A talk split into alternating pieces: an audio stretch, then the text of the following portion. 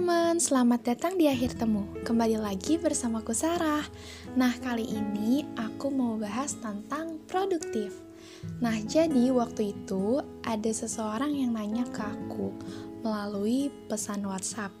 Katanya gini, "Aku mau tanya, gimana caranya supaya lebih produktif?"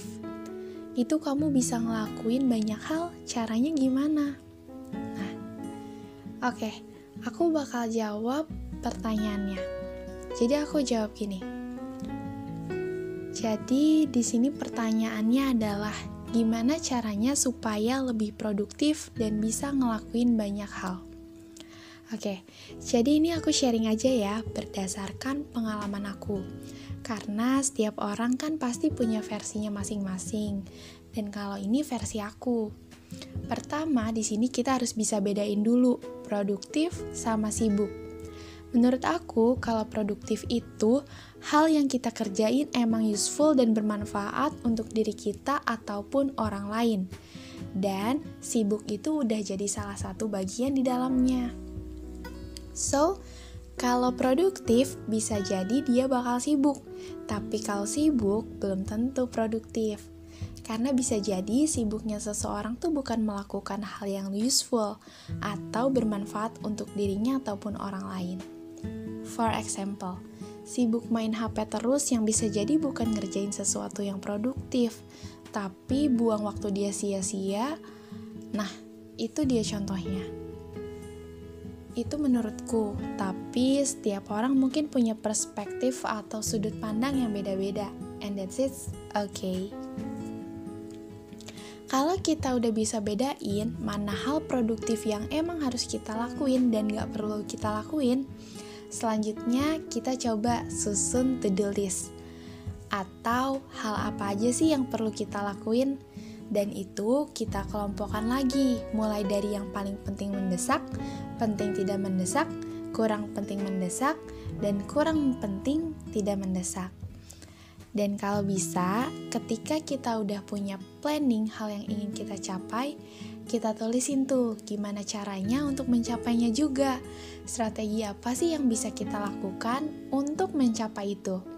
Lebih baik lagi kalau kita tulisnya di memo HP kita, biar selalu kita bawa ke mana-mana dan tulis juga di kertas.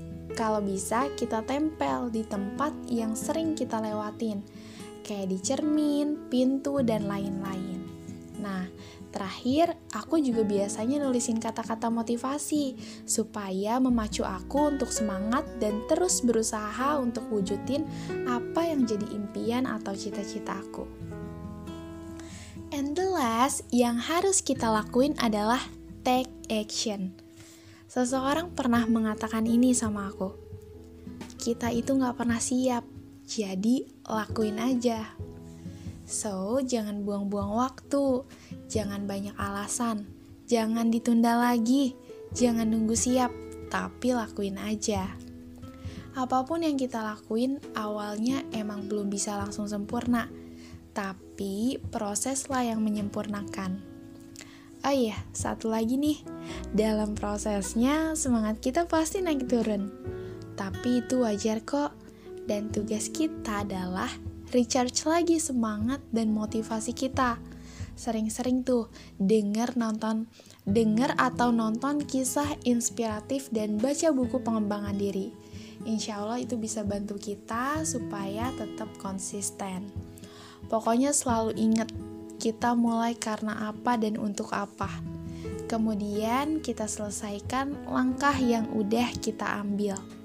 Awalnya emang kepaksa, nanti lama-lama jadi kebiasaan dan jadi kebutuhan deh. So, keep fighting and keep going.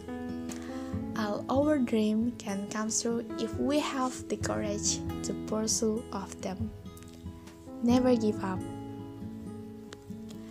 Nah, itu dia sharing-sharing kali ini tentang produktif dari aku. Semoga tips-tips yang aku sampaikan tadi bisa bermanfaat dan kalau misalnya kalian punya cara-cara yang kalian lakuinnya lebih enjoy, itu lakuin aja.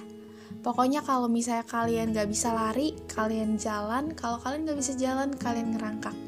tapi jangan pernah berhenti dan menyerah. Kalau ketemu tembok, cari cara gimana caranya supaya kalian bisa ngelewatinnya, menanjakinya, atau menembusinya. Yeay, semangat!